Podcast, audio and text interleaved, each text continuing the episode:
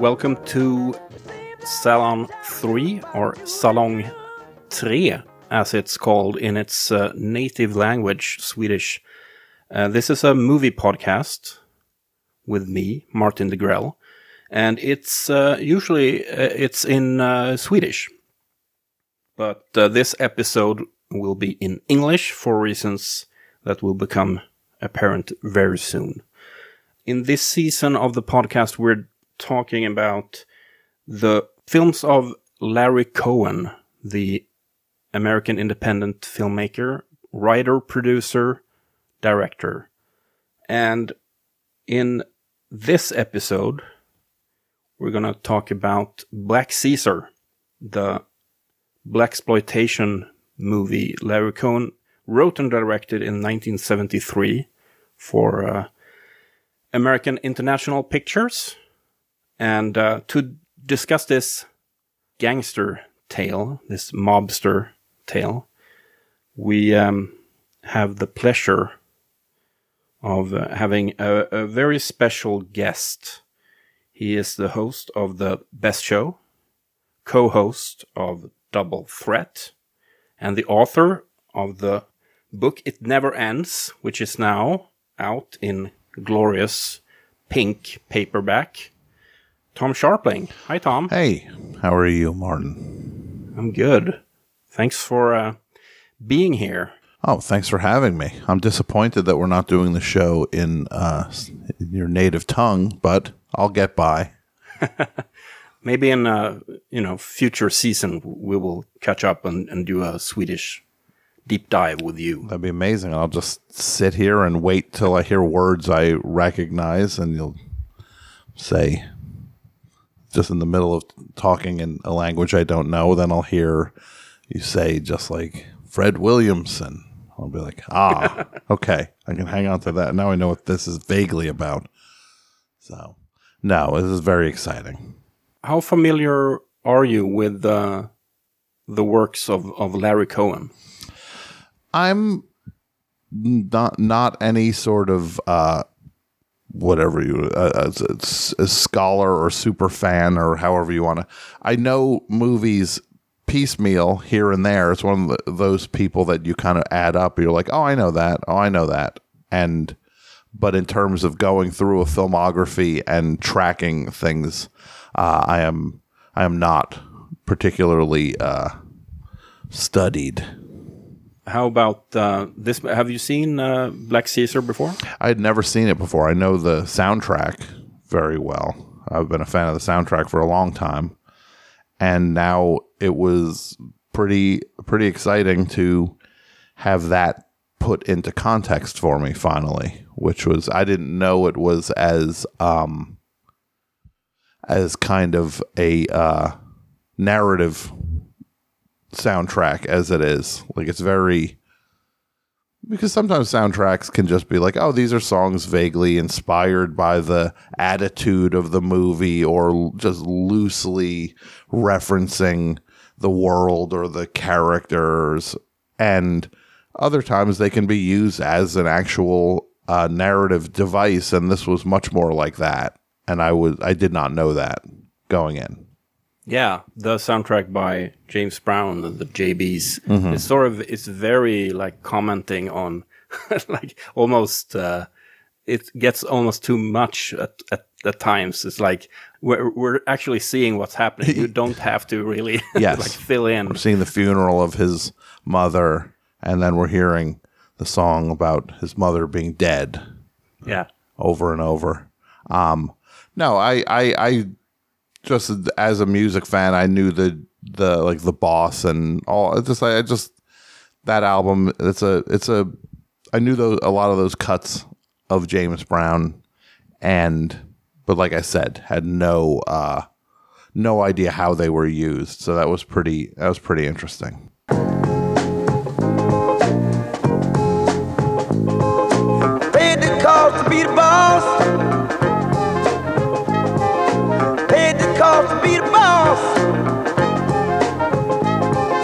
It's also one of those soundtracks where, um, or movies that if you, like me, grew up on, uh, you know, uh, hip hop in the early 90s, you instantly recognize like a bunch of drops all over the soundtrack, which is is very fun, you know, just for as a like a meta textual level.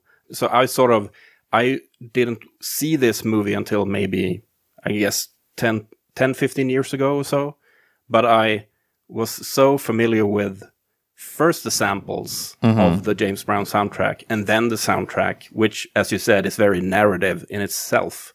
And then the movie is sort of very backward way of, of getting into the story. Yeah, and it is interesting the the I mean James Brown, if it's James Brown, if it's the JBs, you know, Fred Wesley, it's going to get um people were biting that stuff left and right in terms of break beats and samples and stuff and this is just prime James Brown. So I mean it's just it's begging for that and it had and it did happen. You hear you hear these songs just peppered elsewhere and it's a kind of game of trying to remember trying to spot the trying to spot who who uh sampled what from it Yeah, and I think this is for for my taste. This is mm, you know James Brown at hi- at the peak of his powers. I I always you know I think the early seventies, especially when the JBs got more uh, into it. Um, it's that's like that's my stuff. absolutely no it's really just it's it's the most exciting stretch for for me also with James Brown so this was like a new little uh exciting little gift for me So originally, this uh, movie was supposed to be a movie with Sammy Davis Jr. Uh, apparently. So Larry Cohen had, had made sort of a a deal that didn't go through with Sammy Davis about you know a, a guy coming up in the sort of the criminal underworld in Harlem, and then uh, it fell through, and then the sort of black exploitation craze sort of happened the years before this, and then he sort of said, "Well, I got this more or less finished idea. Let's make you know what became Black Caesar." So this came out in '73, and of course, uh, Shaft, Superfly was 71, 72. Across 110th Street, also 72. And then the same year as this one is Coffy, Cleopatra Jones, and one of my my favorites, Detroit 9000, which is more uh, political uh, than many of the others. Um, so this came really in the sweet spot, if you will, of the black exploitation era. Are you have you seen many of those movies? I've seen some of those movies. I've seen some Pam Grier movies. It's not. It's not. I, I mean, uh, across 110th Street, I've seen it's and the two biggies, Shaft and Superfly. I've seen, but it's just like um, it's not my. It's it's not something I would claim any level of expertise or or anything in that regard. I just I've watched stuff over the years, and you just kind of catch one and then catch another one, but it's it's nothing I've taken a true deep dive on. Um, but I've always enjoyed the movies, and and it's just I just there's there's certain things that I just um yeah I like it when I see it, but I don't keep chasing every every. uh It's not like a a Pokemon where I'm gotta get them all, catch them all. Sorry. I think I think you're. I mean, I think you're good if you.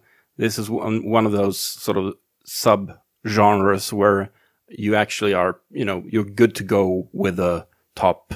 You know, the the five or ten most uh, known ones. Sure, and it's yeah, and it's just um sometimes with with so much of this with genre stuff that it gets kind of when it when it's when it's decades old it's like it gets cherry picked here it gets cherry picked there and you half feel like you've seen seen it just because people have lifted huge chunks of it over over the years. So the, it's almost like you, there's this general familiarity with with the form, even if I haven't seen all the stuff, because people like to take the best parts of things and put them into the next thing, and then. I mean, there's people who don't know the source material for so many things, but they know all the references and stuff just because you've you've um you've watched them be parodied or referenced and and and a lot of the early 70s uh kind of black exploitation uh genre uh stuff has been that for me whether it's just kind of like the sleaze or the kung fu stuff or the black exploitation stuff i just you know i know i know the the the greatest hits i guess Yeah, so much you sort of know through almost like pop cultural osmosis, almost. Absolutely. Yeah. It just it shows up on you in, in your brain and then you realize you actually don't know the the source, but you know the the cousin to the source or the next door neighbor to the source. And this, of course, uh, this uh, this movie, Black Caesar, is of course also in sort of in dialogue with the gangster movies of the 30s, like Little Caesar, of course, uh, Public Enemy. It's this long and storied uh, tale of the ups and downs of the sort of the, the gangster. Yeah, absolutely. And it's it's kind of interesting because the one point in in the the uh, final stretch in the movie when they're uh, when you just see literally the Godfather playing in the background, and it's like, and that's a very different kind of of you know mob movie if you want to just boil it down to that, where you know Black Caesar is just really you just get the the good stuff. Not that the Godfather doesn't have just good stuff, but Godfather takes its time and it's kind of kind of luxuriating in its epic status, and it's not in any rush to get anywhere. But this this movie is just barely over 90 minutes it's like 100 minutes long and it's just like you're just getting the good stuff. It's not Yeah. there's no there's just no slow deliberate build. It's just wall to wall.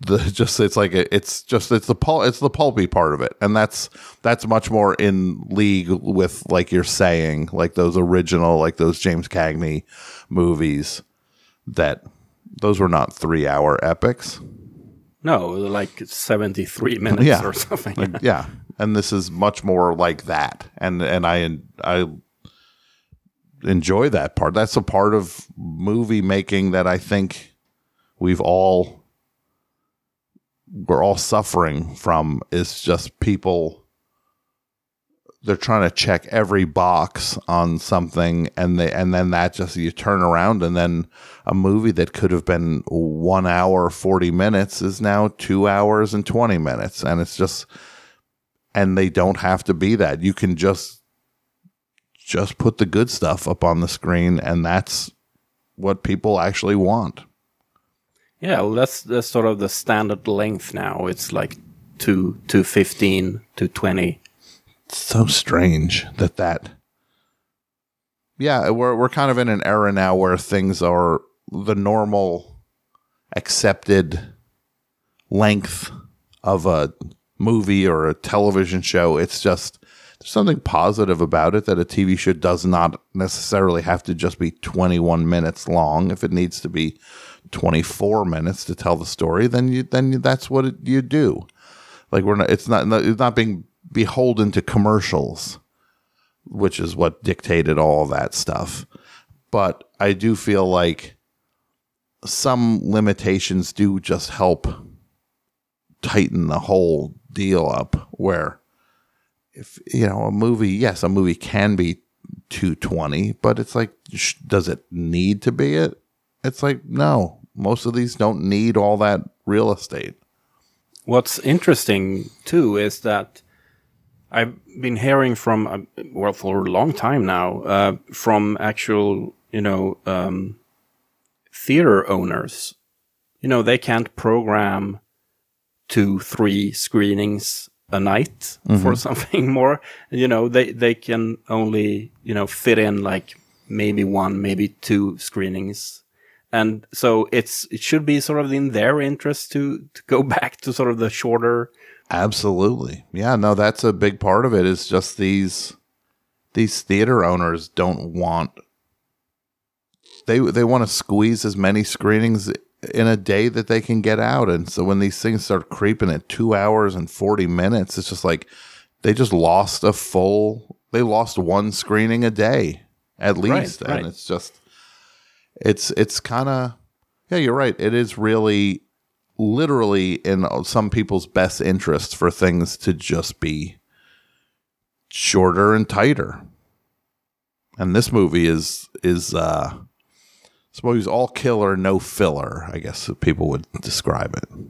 for good or bad, I think that's the sort of the ethos of Larry Cohen, who who tends to be his own producer also. The, in, this is not the case in this one, I think, but he, the most of his movies are like written, directed, produced, mm-hmm. and he he tends to be very efficient, you might say. And and some of the sort of parts in this movie is like, whoa, two years has passed. You know, he, he really cuts to the chase, um, to his detriment at some points. I think.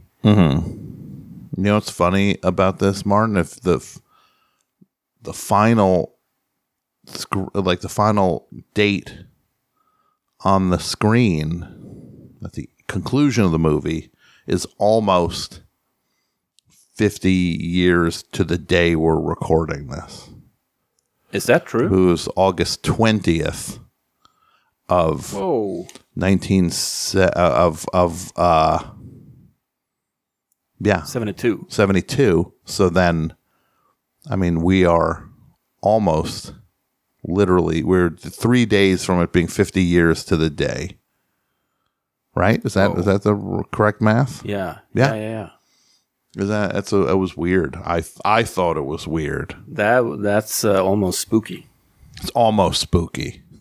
exactly. That's the perfect way of saying it. Yeah, that's almost spooky. Not exactly spooky. It's spooky adjacent.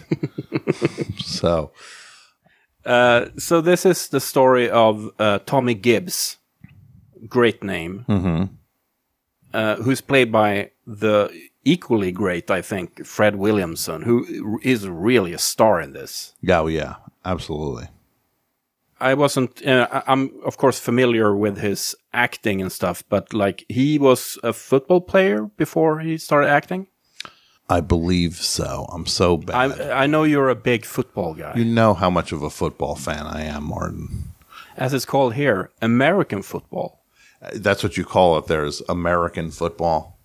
Yeah, Yeah, because Americans, because we have, we call soccer the, uh, yeah, for, for what everybody else calls in the classic, the in the most American thing imaginable, we call it one thing. Everybody else calls it a different thing, and we refuse to concede any part of anything and are trying to get the world to bend to our will. It's a very unique thing, Martin, of America trying to get the world to do what it wants. Um, no, it's it's um, yes, he was a football player because it's like because Jim Brown was the Jim Brown was like one of the best football players ever, who is also became an actor after his career and was kind of in similar similar movies. Um, but yeah, he was a uh, he played for the American Football League. I'm looking at that pre NFL because the NFL is a uh, like a, a later '60s merger of two football leagues, uh, if I remember correctly. And he was nicknamed the Hammer, which is also the title of one of his earliest uh, movies, which I think is along with this one, sort of his uh, breakout performance. I think. Yeah, he. Uh, I mean, it's funny. I knew him when I first started.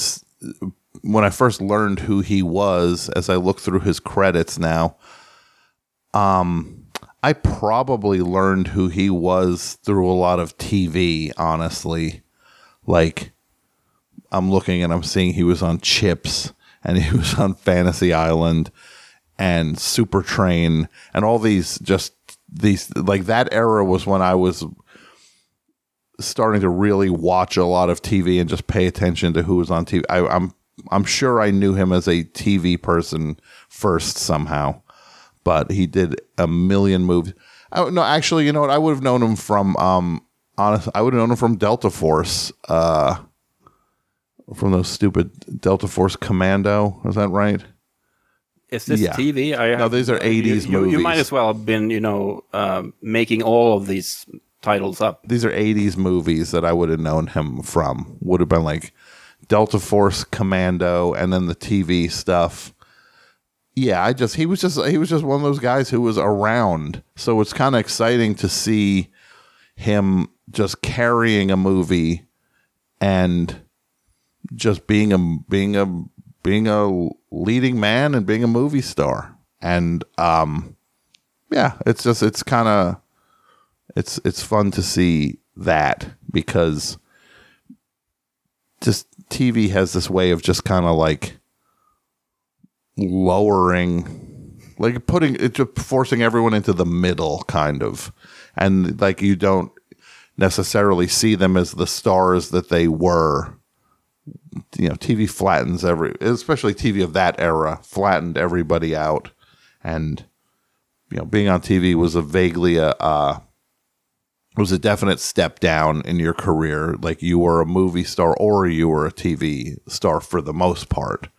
And Right, right. not like it is now where you have every where it's just rare that you have people that are movie stars who don't also do things on television now. So I mean it's such a weird like it's weird Leonardo DiCaprio does not do TV things and he's you could probably count on one hand at this point the amount of movie stars that haven't kind of dipped their toe in one way or another into TV.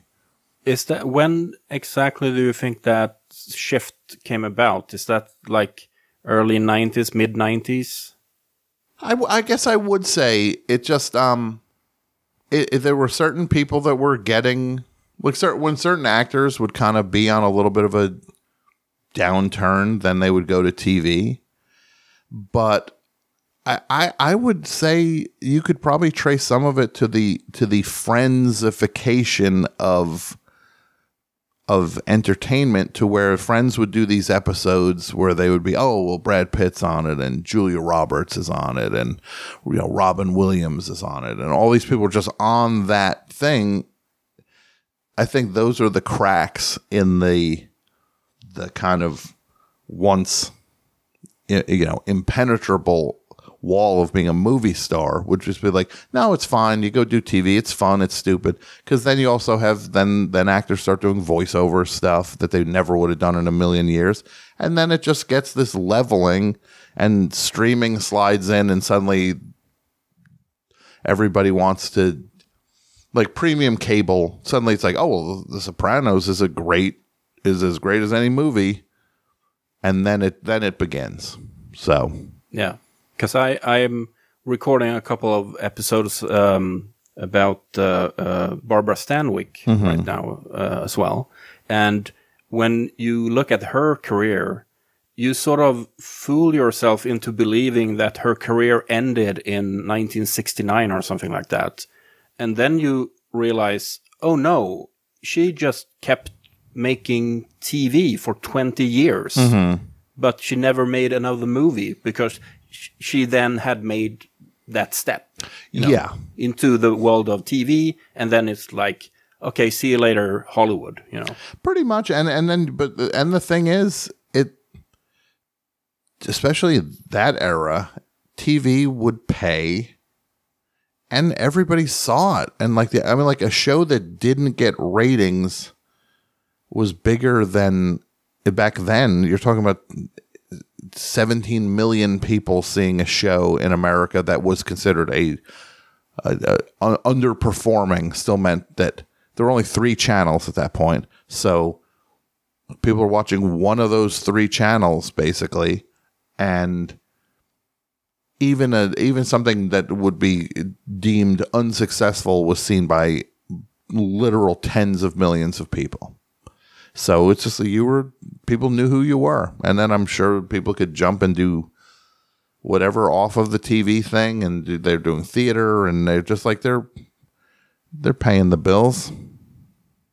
So back to little Tommy Gibbs, who um, we see uh, grow up in Harlem in the 50s, and he has some very brutal run ins with uh, this crooked cop, McKinney, who becomes this more or less the, the, the number one bad guy in the movie. He's sort of, he is there for the duration. Yeah. And it's pretty, uh, no pun intended, black and white storytelling where it's just like it is, it is very, it's, it's the pulpiest it can get. And that's the, that's like the fun of it. And it's like, hang on to your seats because it's the number of like racial slurs in the first 10 minutes. Yeah. Just staggering. Yeah, it is.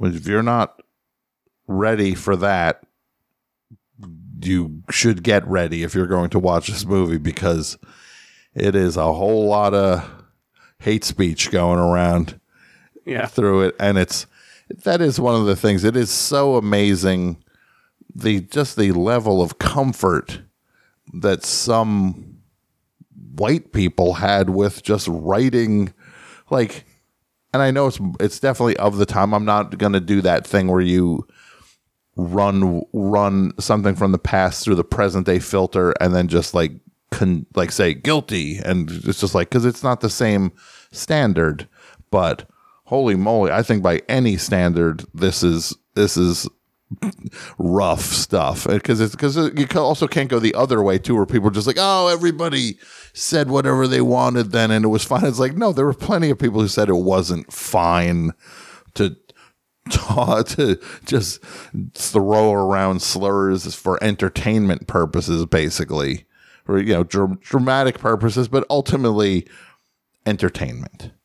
So yes and but it's it certainly sets the mood and uh, it sort of very much establishes uh, the bad guy uh, character of this, especially this the, the crooked cop. Yeah, um, because it feels like Larry Cohen went through like the sort of the Urban Dictionary, you know, getting through like every horrible word for you know an African American man uh, you can you can think of. Yeah. And, um, as far as the dialogue is concerned, I think Fred, if you ask Fred Williamson, he, his uh, story about this is that he's behind a lot of the dialogue, or his, you know, he makes it his. Um, I I don't think that Larry Cohen would agree exactly, but sort of that's I think that's um, that sounds reasonable to me to my ears. Yeah, I'm sure it's a little bit of one of those things where everybody's a little bit right in their recollection of it. Uh, but we see the the now grown up Tommy. Speaking of ears, he uh, he uh, kills a guy, uh, a mobster, and slices off his ear mm-hmm. and presents it to uh, some kind of uh, Italian mob boss Cardoza and uh, we see already here that you know Tommy is a very ambitious young man. Jesus Christ! Sauce looked like it needed a little more meat. What the hell are you doing? Who are you? Just a jig who heard Grossville needed killing. I was going to ask you about that that restaurant where they meet up, mm-hmm. and he presents the ear to that guy. What do you think about that restaurant? You mean in regard what I eat there? I mean, what do you want Yes. to know what I think? Yeah, I'd eat there, sure. like you go where the mob bosses eat. It's like, do you know if you see a mob, a mid-tier mob boss in an Italian restaurant, it's probably pretty good. So just like, oh, they know where the good places are. That guy's a that guy's a mob boss. Let's see, let's eat there. Um, no, look, I wouldn't appreciate if if if they throw ears on your food because they throw it right on his right on his pasta, and um, wouldn't like that part, but everything else looked okay. Now I'm hungry. He actually uh, reacts kind of very cool for a guy getting like an ear thrown in his food. Oh yeah, no, that would scar me for the rest of my life. All I would talk about is the day that some guy threw an ear on my food. I would immediately stop eating food. First of all, there'd be a good window where I couldn't hold anything down because all I would think about would be the ear that I saw. I definitely wouldn't eat pasta. Like pasta would be like good two years now of not eating pasta because all I would just close my eyes and just picture an ear underneath it now. Um, no, I just, uh, yeah, it, it I like, I, I, this is, it, it made me kind of, there's a certain type of divey New York 70s vibe that as a little kid, I saw the very, very end of more early 80s for me as a kid but it was still it was still more like that than not. And I always have some sort of not nostalgia for it because I, I do think things improve also sometimes when yeah things can get more corporate but they also can get nicer too it's a it's a, it's a case by case basis but um yeah i'd eat there i'd still eat there even I, I would probably, I could probably even eat around the ear. Honestly, I would just pick around it. if depending on how if good, if it's like if you're hungry enough. yeah, it's really good. So he, this uh, kind of brazen act of violence is actually paid off because he he gets to um, control a block in in Harlem. Because Harlem is where he's at, and that's where he wants to sort of build his operation. Um, but so he he moves up in the underworld, and uh, there's a lot of great like all over this movie. Actually, a lot of great like uh, stolen shots all over New York. Uh, you can tell that they, you know, they shoot like among people. You know, people like spike the camera like all over. There is so, it is like there is there there is throughout this movie. One of the best parts of this movie is that it is just kinetic energy because they are you're right straight up stealing shots. People walking by are now in a movie. And there's a there's a bunch of times when people you see them are just trying to figure out what is happening. And then right they look right down the barrel of the camera but they're just far enough in the background that it's eh whatever. That's what happens but the trade-off for some of those moments is just this amazing amount of energy the movie has all the way through it. It's just like you are- on the street. These are there are no sets. There's no blocking off. There's no extras walking. It's just like crowded new york early 70s it's the real deal. Yeah, and it's like it's it becomes very apparent towards uh, towards the end when he gets shot. Yeah. Uh, you know, on maybe Fifth Avenue or something, and it's so obvious that you know there's like people walking around being like, "Is this guy getting shot here by a cop?" Like, Yeah, it's they they play this scene out in public and and people look genuinely confused about what's going on. And it's kind of it adds to the to the um it just adds to the excitement of the whole thing. It's just like you feel you just feel that that New York kind of like you're in your own orbit and then you look and other stuff is going on and you're like what what is that i have no idea what's happening over there i kind of am going to keep my distance from it. I'm not going to get involved with it because it looks like this might be a, above my pay grade in terms of like, I don't want to, like, it's a classic, I don't want to get involved thing, but something's obviously happening right in front of us.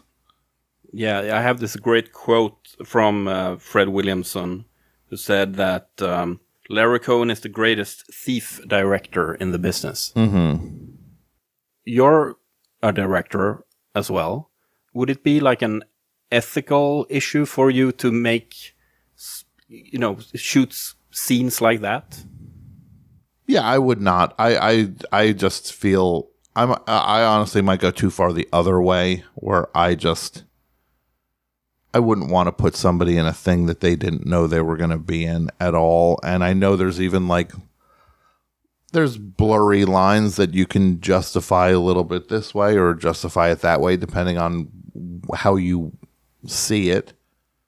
I would not yeah, I, I would not be comfortable with I'm not comfortable with any kind of like pranky stuff. It's just not my that's not in my DNA to just ultimately take advantage of strangers in in certain uh, situations. I just personally couldn't do it. I love when other people do it. I'm not judging it. I just couldn't from my, from my own deal, my own code or whatever you want to call it. It just isn't my thing. I'd feel I, all I would think about was just like that guy didn't want to be in my thing and now he's in it. And of course, like back back in 72, th- 73, the release forms weren't uh, a big thing. Back No, then, there were not PAs chasing everybody down to get them to sign to sign something to allow their image to be on screen.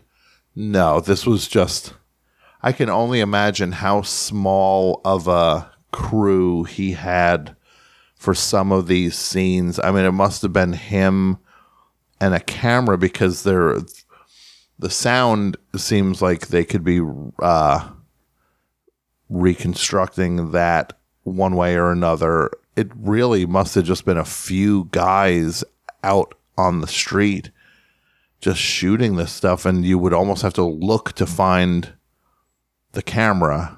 Like it's not going to be, oh, look at all the trailers, look at all the right. the gear. I noticed that they place like uh, at a couple of times they have like cameras kind of high up, so shoot it from like maybe a second story, Yeah, uh, and then at some points they have like someone very clearly like following Fred Williamson very close by, like mm-hmm. handheld. Absolutely. And those things, those are the ones that are just so exciting because they're also just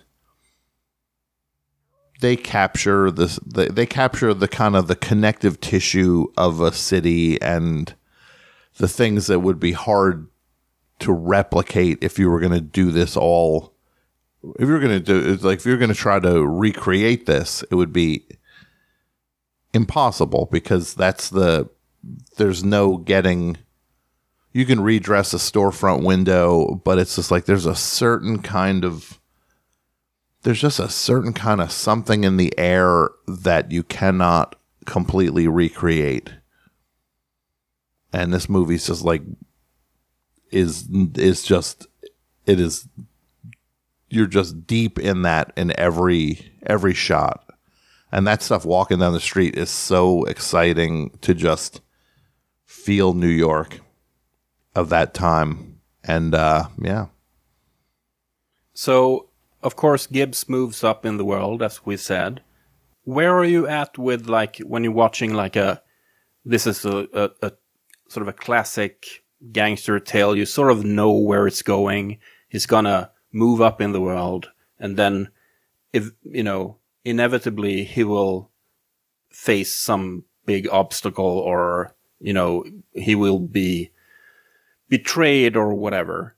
Uh, where wh- where do you sit when it comes to like gangster movies like this? Are you sort of rooting for the the guy to uh, prevail, or are you like, come on, let's uh, you know, let's get this guy in jail?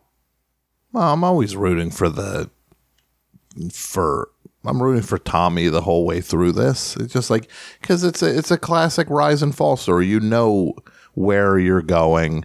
You know, and then it's a matter of does he survive the fall? Is all it is. You know he's going to fall. It's it's just a part of the the the trope of a gangster. This type of gangster movie. Just you come out from nowhere. You gain the power, and then the power starts to become a little too much and you start to lose your grip on certain things and then it all crashes down. And it's a matter of do you what happens? Do you get out?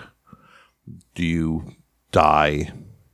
Do you just become like yeah or do you, do you just like are you just like now just a, a shell of yourself in the wake of it that you're just you're you're alive but without power. There's like there's there's just there's only so many places to end up with it. So it's it's all about the fun of watching the rise and fall.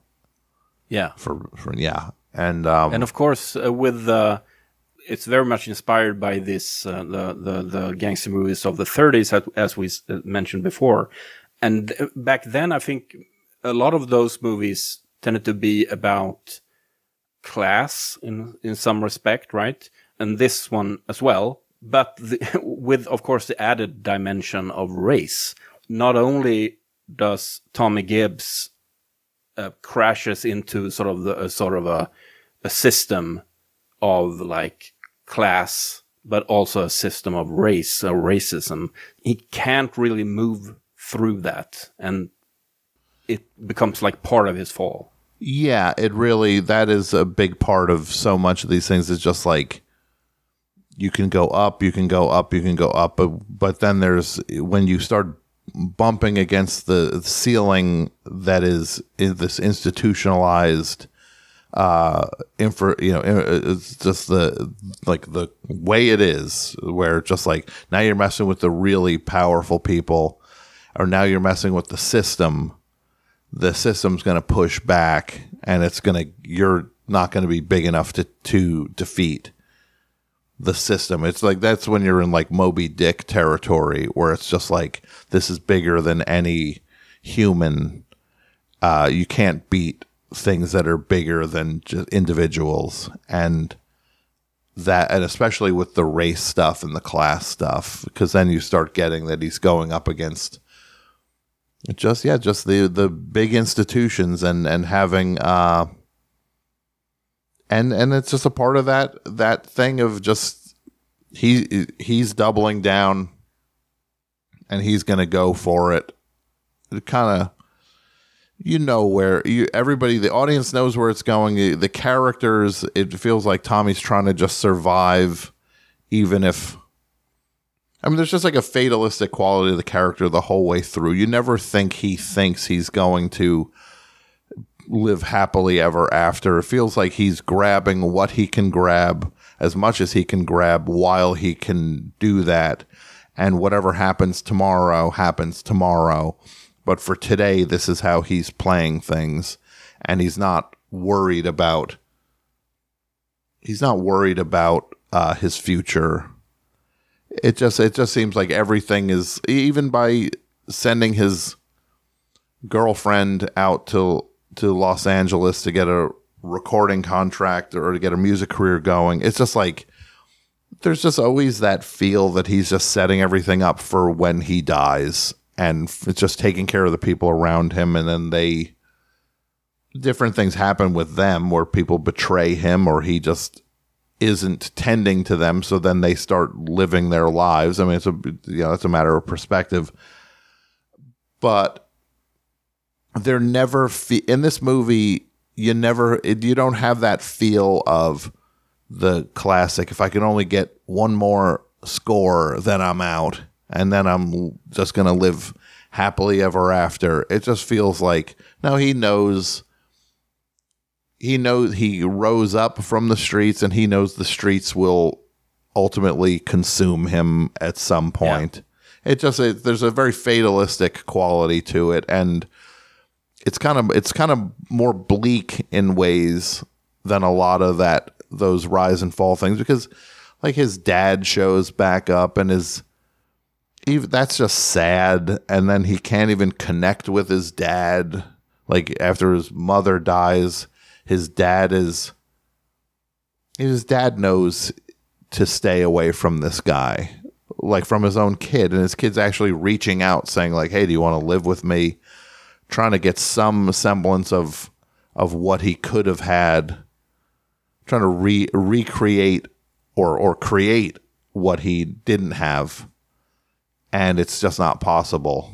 And that's that to me was the the turning point where this this character's doomed is that he just has no he has just no sense of family and no sense of of lineage because it's just he made he made his bed through his actions and now it's just when does the fall happen Yeah, and by that point, he's alienating mm-hmm. his friends. He's an absolute monster towards his girlfriend.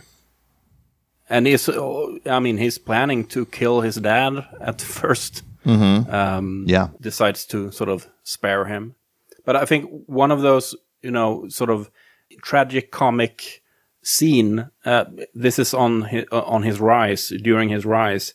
He buys that apartment from the lawyer, and gives him a big check and says like, "I'm buying your your entire apartment, including all the furniture, including your wife's entire wardrobe." that is so that's kind of a funny scene and he more or less throws them out right then and there yeah but it's also kind of a tragic scene as well because it sort of uh, makes the point of he really wants kind of this life but he he kind of wants it wholesale. He son- kind of wants to get it in one you know big package. Yeah. so he, he he's not really equipped to sort of put everything in place. He needs needs it to be in place. Yeah, and because uh, time is definitely of the essence with so much of this because it's just like like we were saying it's like who knows what tomorrow is going to bring. This is just about the now and that's that seems to just be like he's living the life. And the thing is it's like correct me if I'm wrong, it's like it doesn't seem like like when does he have any enjoyment of any of the spoils of it without it feeling like it's ultimately more of a burden than than uh pleasurable like everything feels you feel Yeah. the weight of everything there's never any kind of like there's like one party scene yeah, ex- exactly. There's just like one moment of celebrating the the uh the spoils and then it just feels like a grind for the rest of the movie and there's not like it's just he doesn't have the he just doesn't have the life where he it just seems like he's playing out the hand that what that he was dealt back when he at the beginning of the movie. This is all very fatalistic and it feels like there's just a fatalistic thread running through this car through Tommy the whole way through. It's just again again the streets the streets are going to get you you will lose to the streets if this Yeah. if this is the game you're playing you will lose no matter how big you get So Fred Williamson is uh, more often than not smoking uh, cigars in this movie. Those those uh, long, thin cigars. Are you a big cigar man, Tom? What do you think, Martin? I would say yes. Yeah, well, you'd be wrong. I still, um, no, I'm not a big cigar man. That's the worst question I've ever been asked. Are you a big cigar man, Tom? No, I'm not. okay, so I want uh, I want to get you um, subscription to Cigar Aficionado. Please, no. birthday. I don't need a subscription to Cigar Aficionado. I don't need a nice box of Macanudos or whatever. I just hear these names. I I see anybody anybody breaks out a cigar, I can't help it. You go down a notch in my book.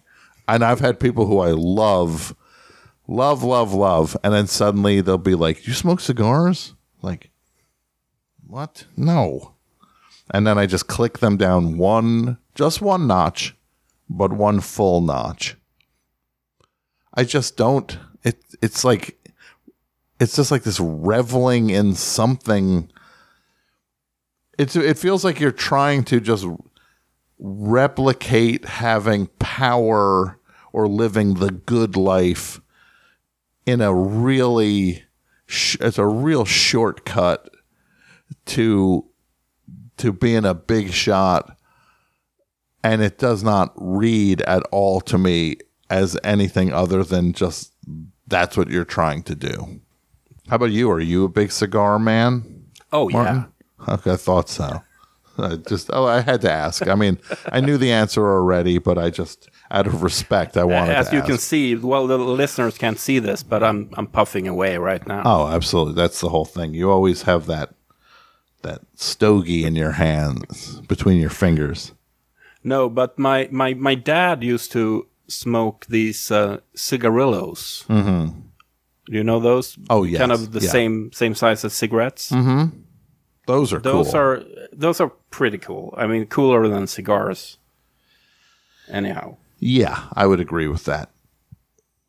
I wanted to talk about the the big raid on the during the pool party in in California because this is also when sort of Tommy and his goons are sort of moving up in the world and they're wiping out the Italian mobsters, the Cardoza brothers, and they do this uh, at this uh, pool party in in LA. Mm-hmm. So you're in LA right now. I am, yes.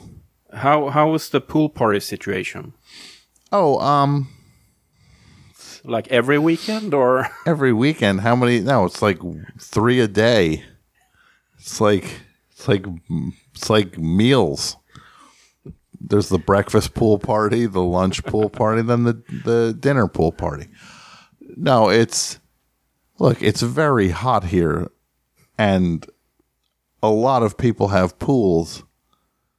I don't go to many pool parties but I am in favor of pool parties.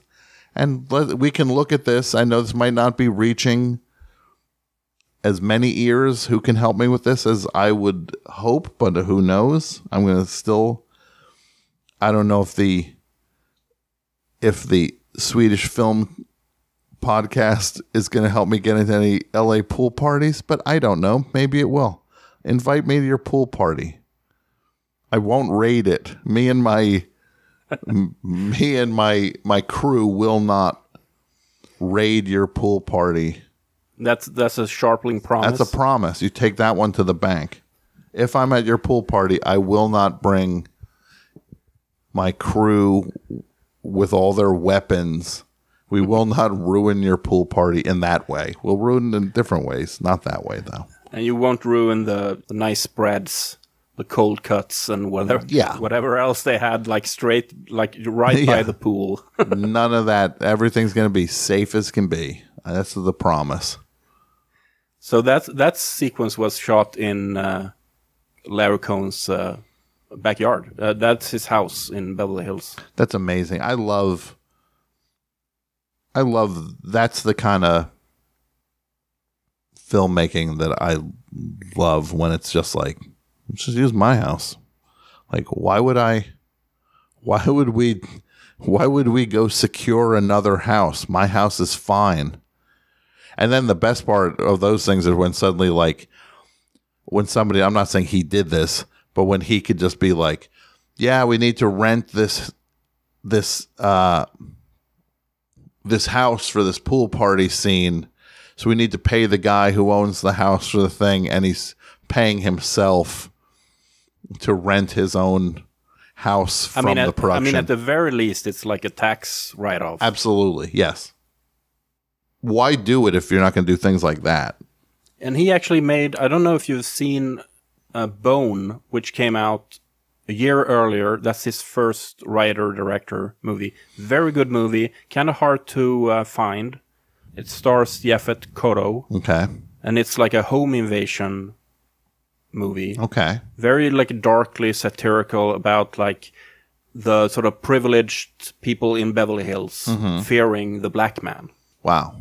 Well, that sounds that sounds really interesting. and it's entirely shot in that house. Amazing. Yeah, good for him. I love it. I love Yaphet Kotto too. And so, yeah, they ruin the pool party, needless to say. And this is when he starts to piss off the wrong people. Uh, he uh, gets too big for his britches. And he, he has this wild claim. I don't know if you remember this in some negotiations with uh, some other mobsters that he can. He claims that he can keep, quote, the ghettos of L.A. and Chicago and New York calm. Yeah. So that's sort of when you know he's kind of losing.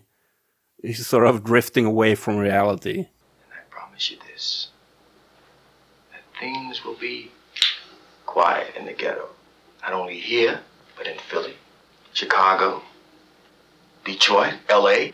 I'll keep them in mind. I mean, it's it's it's such a interesting conundrum because he's he's clearly in the downfall portion of the of his story, but he also is he's again he's just fighting the inevitable. It's just like the world is not set up for a black man to win and he's pretty much playing out that narrative and in this case he's he has his own uh faults and shortcomings that that that uh, maybe accelerate his fall. But the reality is he could be playing things perfectly and the system is set up for him to fail. He he can he is only can go so far before other people are going to push back. And it really it's like if he would have just stuck to his block then I, I, things might have been okay. He would have just been a smaller fish in the in the big pond of New York City but he kept he kept pushing and kept pushing and then that just that just signs his uh that seals his fate. It's like very much like, you know, stay in your place kind of. absolutely. And so he grows more and more paranoid, sends his, his girlfriend, Helen, who we should say is played by um Gloria Hendry, to LA to get her out of town, more or less, and, and trying to kickstart some kind of recording career. But he, his mistake is, of course, that he's been treating her like shit and sends with her his uh, old friend Joe, and they sort of becomes a couple.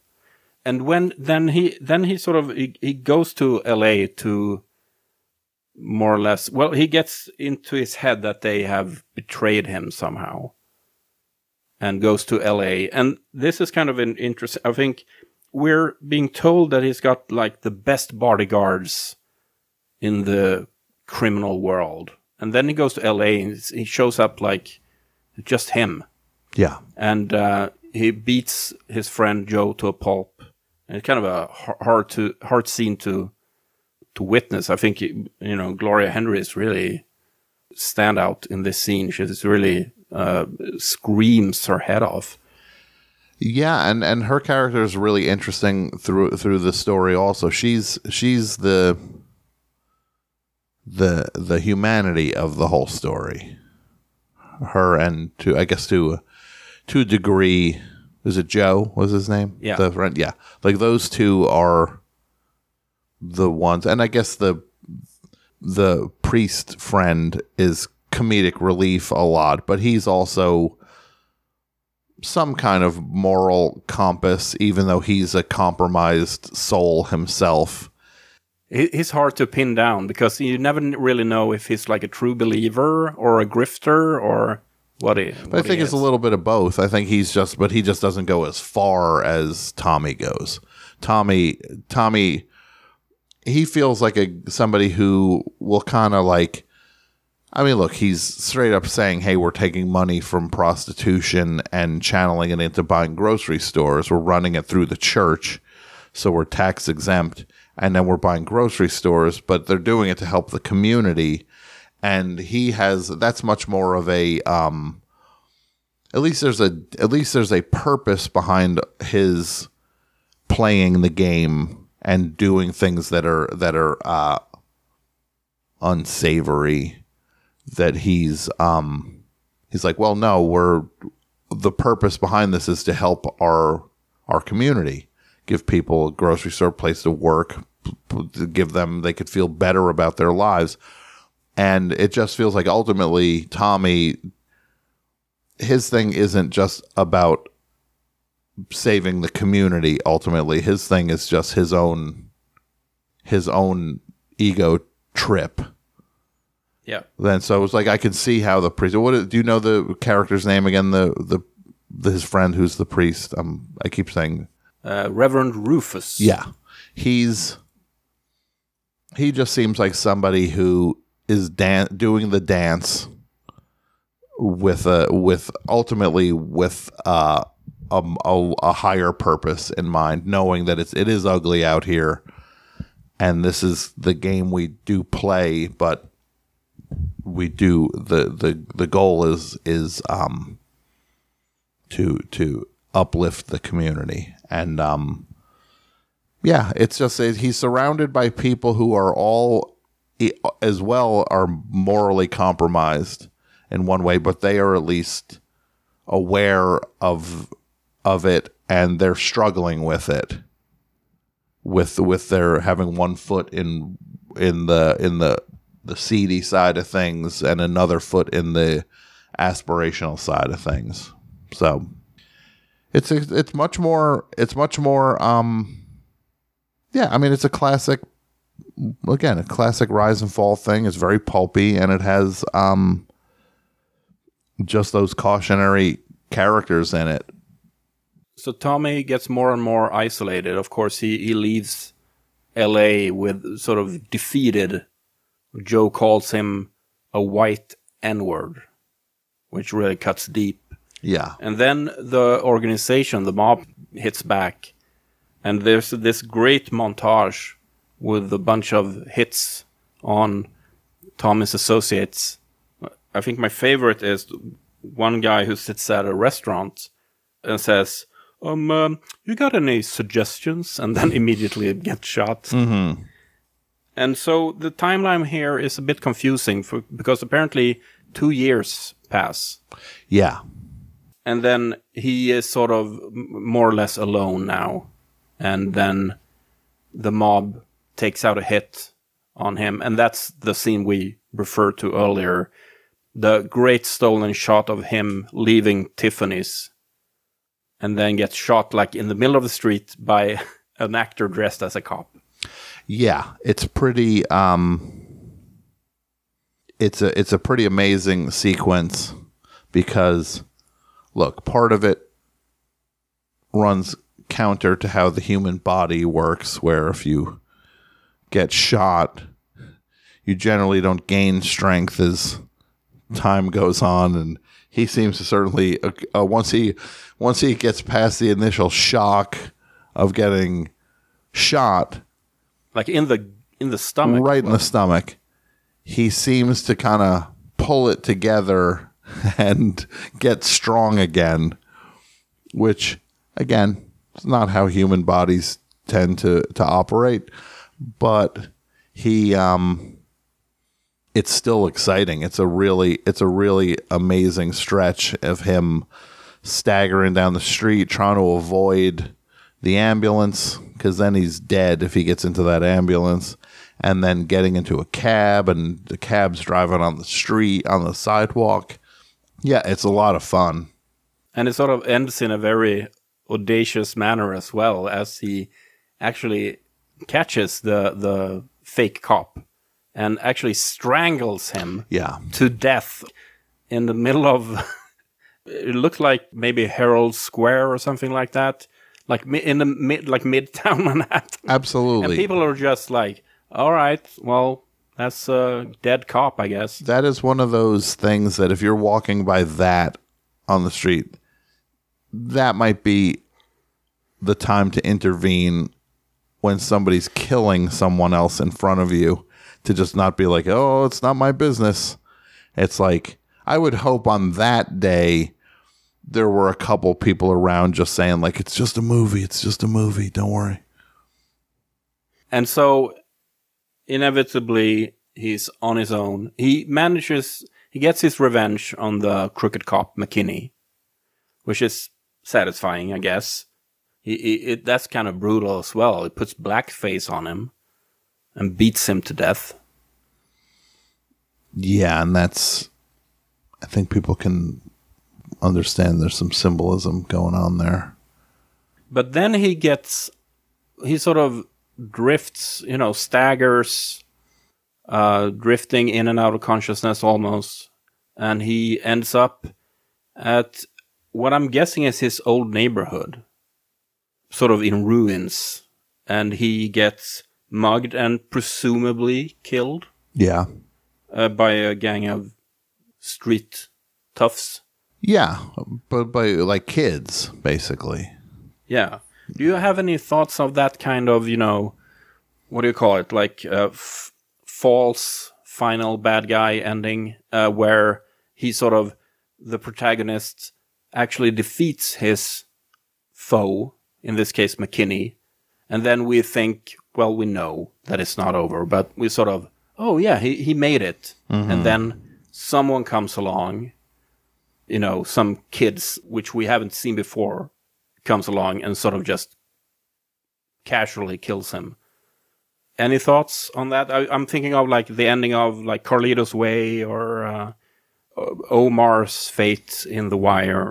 You know, I mean, look, you can also even just say this is just as much like Night of the Living Dead as anything, too, where you you overcome the the the threat and then you just kind of get shot by somebody else in the course of just because that's just the way that that goes.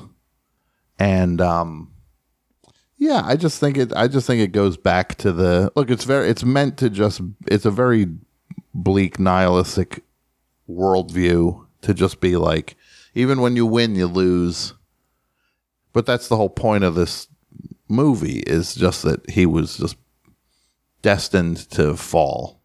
So it, i mean and, and it it does there's something poetic that the same same streets that he rose out of where he would help facilitate a mob hit as just when he was just doing uh uh, when he was just like a shoe shine uh running a shoe shine business and and helping you know you know helping the the bad guys kill each other uh the mob guys um yeah, he's playing the, the and it ca- it caught up to him. It was his his number came up, and that's just a, that that's just that overall futility and sense of doom that hangs over the whole movie.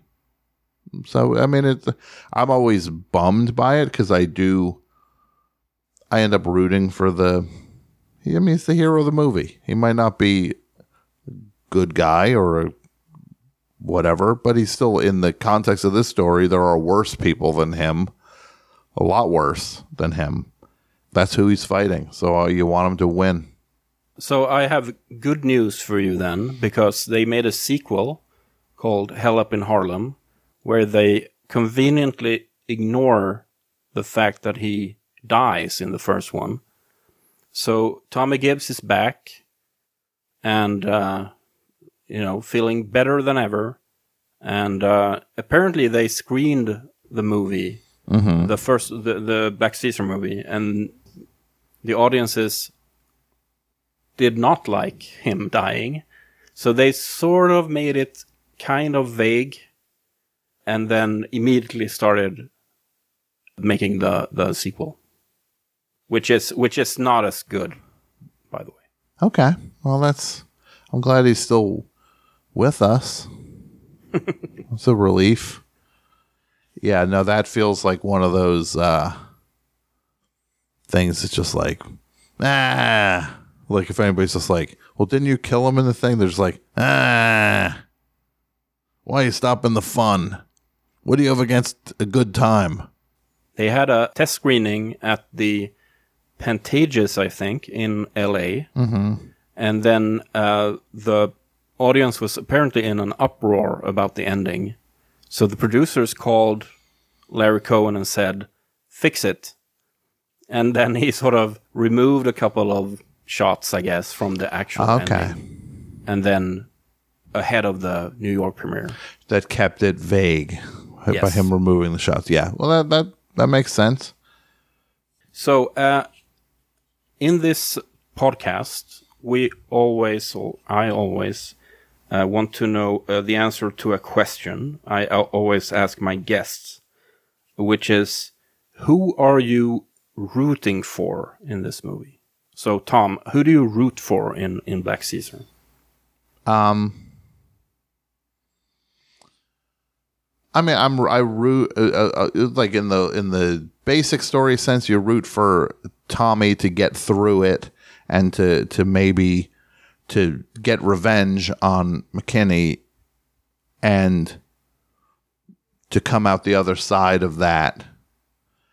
But in, in the the tra- the tragic characters would be his girlfriend and Joe, his friend, and you're just you don't want to see good people get swallowed up by the um by just the out of control uh ego and greed of of one of these again Caesar like uh larger than life characters. Like they're regular people ultimately. And I guess I would root for them to be okay above all. Right. That's sort of my answer too. I, I root for the girlfriend, Helen. Mm-hmm. I hope she gets a, a, a you know, like a decent uh, singing career, maybe. Yeah. And it's just like you just the, uh, the two of them Helen and Joe are clearly trying to living a living a quote unquote normal life seems to be where they are at. And that's they're they're really trying to have there's the two kids and they're tr- at the, the like one of the final scenes is is them just kind of living a very normal uh domesticated life in a decent apartment and that's yeah they you just i you just want you don't want to see that go away Yeah. All right. So that was Black Caesar. Uh, Tom, thank you so much for uh, joining me and discussing this uh, this movie. oh thanks for having me on the show martin this is exciting and it's i've been a long time fan of yours and a friend of yours and i'm glad to see you doing so well And of course, before we, we go, we need to talk about your book, which I mentioned before. Uh, it never ends, Yes. and it's out in uh, paperback now, with some added material. I think, right? Yeah, there's a there's an extra chapter in there that is kind of about the experience of doing the book. It's kind of the it comes full circle because so much of the book is about whether I can write a book and tell my stories and things. And then the the chapter kind of wraps the whole thing up and then there's a little some card some some comics in it too. So yeah, it's it's a nice uh, collection. It's a beautiful book. It's uh, funny, of course. It's heartbreaking and dramatic. Actually, I bought the ebook at first, and then I thought there's something missing here. Yeah, So I also got the audiobook, which you, of course, read. it did. Yes. and uh, so that's, uh, I think those are good, like, companion pieces. So that's the good. I would recommend you get the hardcover, you get a backup copy of the hardcover, you get the ebook. you get two backups of the ebook.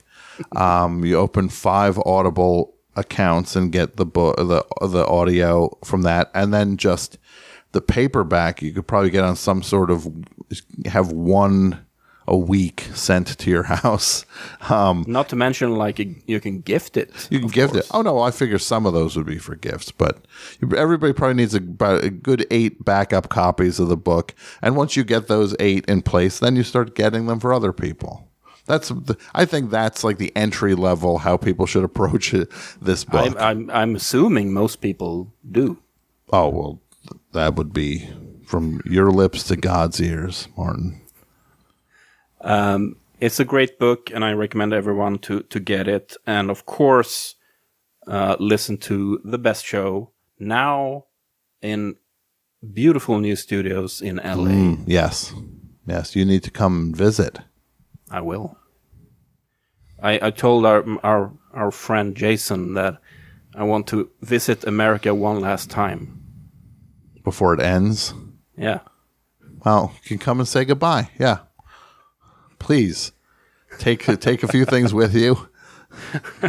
maybe some they can they can so maybe they can kind of like cobble together what this place was like a time capsule. Come Yeah. yeah.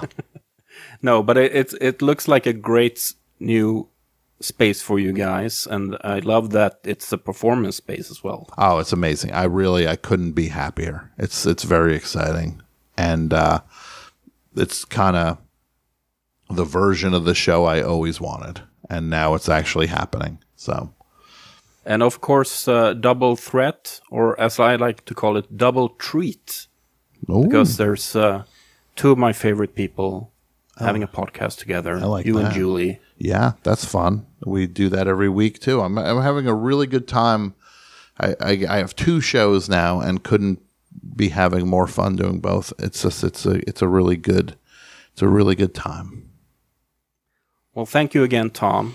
And uh, as I always say, hey, doll. And that's what I always say too. Hey, doll.